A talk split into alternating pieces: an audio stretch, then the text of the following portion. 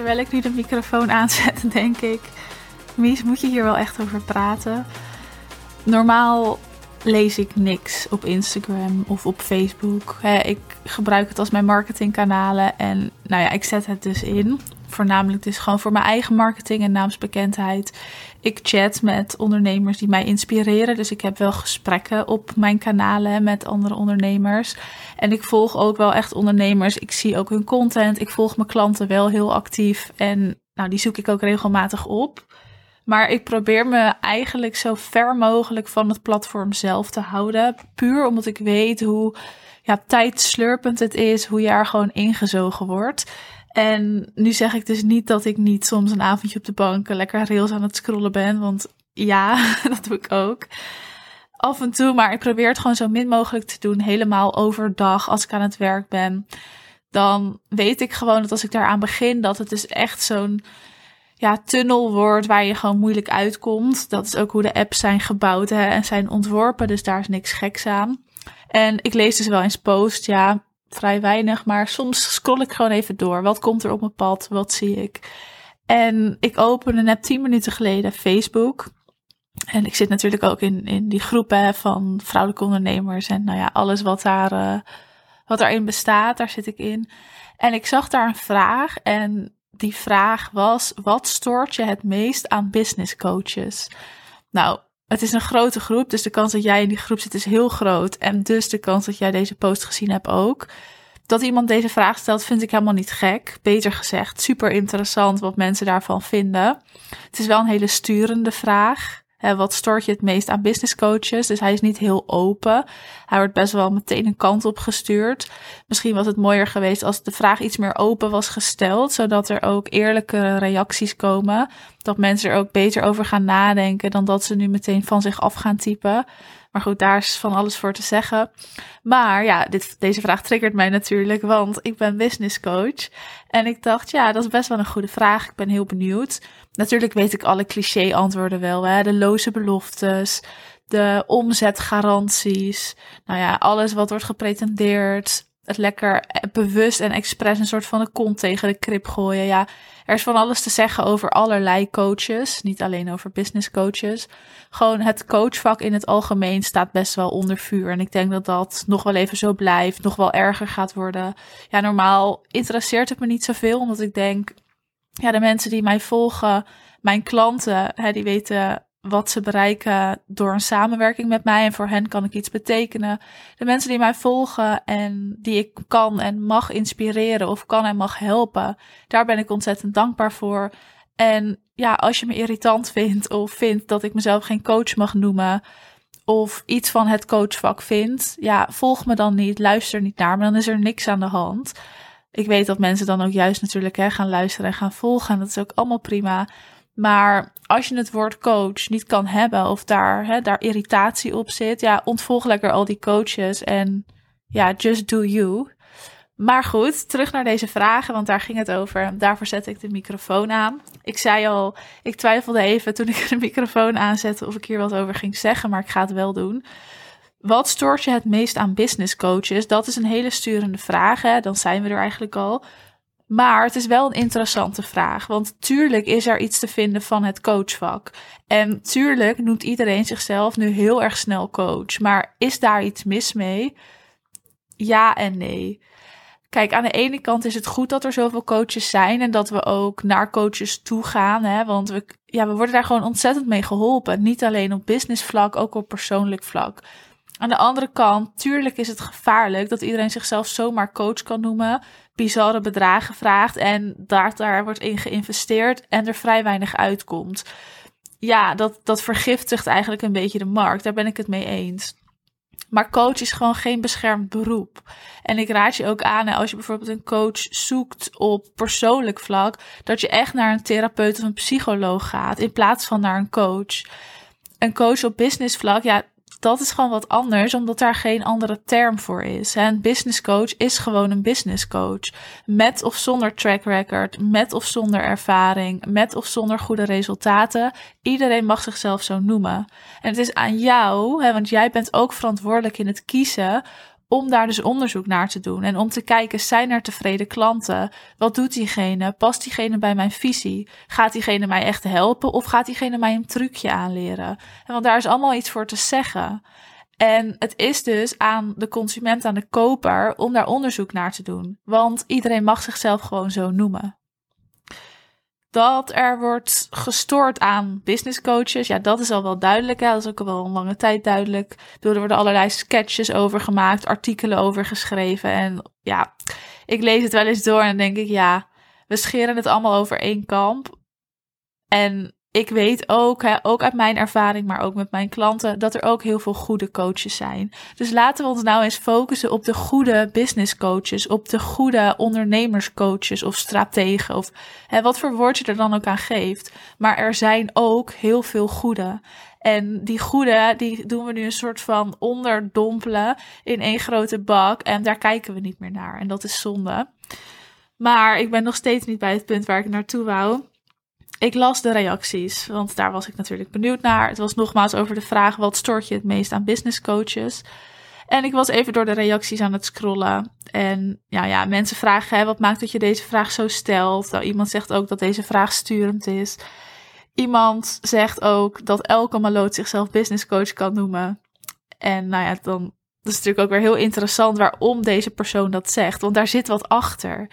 Ik zou dat namelijk nooit schrijven, omdat ik goede ervaringen heb met business coaches. Ook slechte ervaringen. Ik heb ze allebei. Maar ik weet ook dat er goede zijn. Nou ja, er werd van alles gezegd. Dus inderdaad dat iedereen zichzelf tegenwoordig coach kan noemen. Ja, wat wordt er nog meer gezegd? Wat wil je ermee bereiken dat deze vraag gesteld werd? Oh ja, business coach zonder ooit een goed lopend bedrijf te hebben gehad. Het gebrek aan ervaring de loze beloftes. Ja, er wordt van alles gezegd, maar ik wil naar één reactie toe. En ik vind het wel een beetje tricky om de reactie precies voor te lezen, dus dat ga ik niet doen. Maar ik ga wel even context geven. Eh, deze vrouw die zei in ieder geval dat ze nou, een vervelende ervaring heeft gehad met een business coach. Ze heeft dus één business coach gehad. En dat ze daarvan heeft geleerd, maar ook heeft geleerd dat ze altijd het goed moet checken voortaan. Hè, als ze mocht ze weer ooit met een coach in zee gaan. Nou, daar werden natuurlijk allerlei reacties op gegeven. En daar werden positieve en negatieve reacties op gegeven, werden weer vragen aangesteld. En toen kwam het gesprek op gang met de vrouw die die reactie plaatste.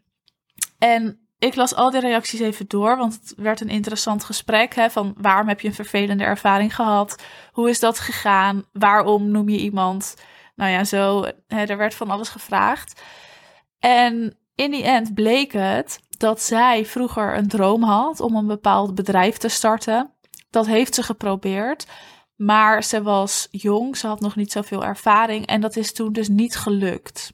Althans, ze zegt, ze had wel veel ervaring, ze had ook een goed portfolio opgebouwd, maar mensen keken daar niet naar. Mensen keken alleen maar naar haar leeftijd.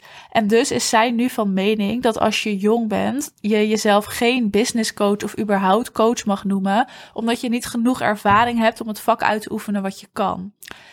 En terwijl zij dit zegt, zegt ze daaronder ook: toen zij jong was, had ze al veel ervaring in haar vakgebied. Ze had al een portfolio, ze had al een track record.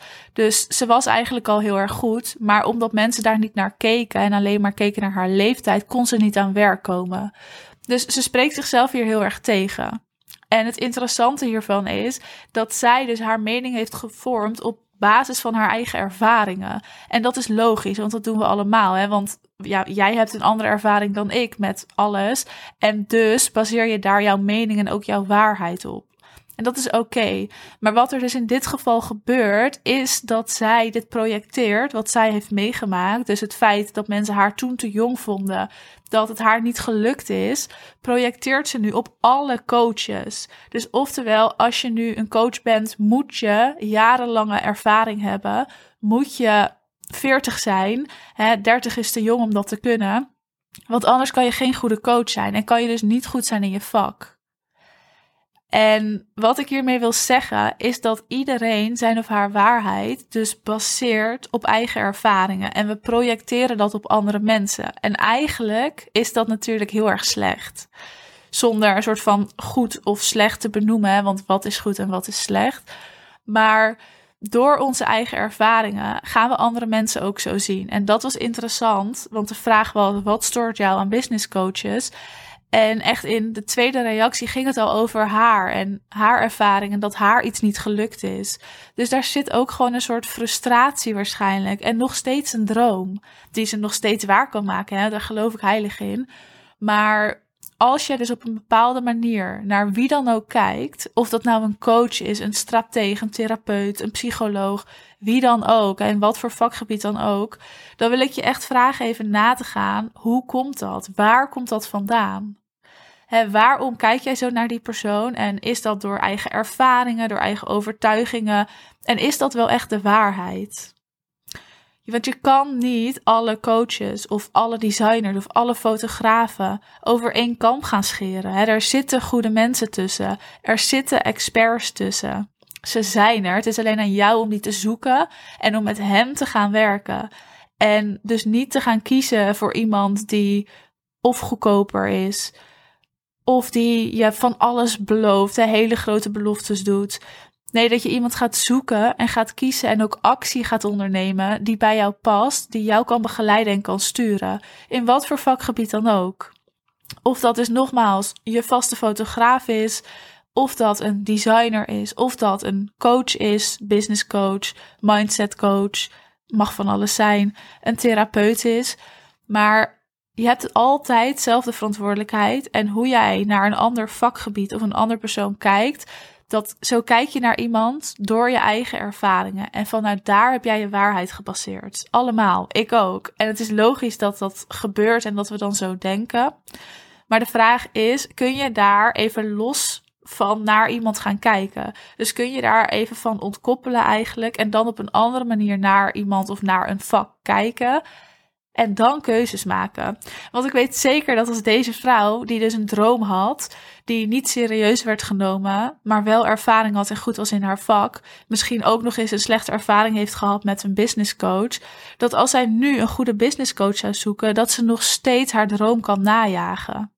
Als zij positieve ervaringen had gehad, dan was haar reactie onder deze vraag totaal anders geweest. En dat vind ik dus zo interessant aan hè, als er zo'n vraag wordt gesteld en er worden dus reacties op geplaatst. Wie plaatst die reacties? Ik zoek de mensen dan vaak ook even op om hè, wat, wat groter beeld te krijgen eigenlijk. En waar komt dat vandaan? En als het al zo snel niet meer over de vraag gaat, hè, niet meer over de kern, maar meteen over iemands verhaal, ja, dan zit daar gewoon heel veel frustratie, wat iemand projecteert over een hele markt. En daar wou ik even wat over zeggen ja, ik vind het een um, interessant proces. Altijd een interessante discussie. En wanneer ben je ook goed genoeg? Wanneer heb je genoeg ervaring? Wanneer heb je een track record gebouwd? Wanneer mag je doen wat je doet? Wanneer mag je jezelf een bepaalde titel geven? Er zitten gewoon geen regels aan. En zolang jij wat jij zegt en belooft waar kan maken en jouw klanten super tevreden met je zijn, ja, dan is het oké. En daar gaat het denk ik onder de streep allemaal om. Goed, ik ben enorm benieuwd hoe jij hier naar kijkt. En misschien heb je de post ook gezien en de reacties gelezen. De kans is heel groot. Laat het me dan vooral weten, want daar ben ik ontzettend benieuwd naar. En het is gewoon een heel interessant gesprek om eens te voeren met elkaar. Dus je bent van harte welkom in mijn DM om daar even het gesprek met me aan te gaan. Vooral ook te laten weten hoe kijk jij hier naar. En dan hoor je mij weer een volgende aflevering.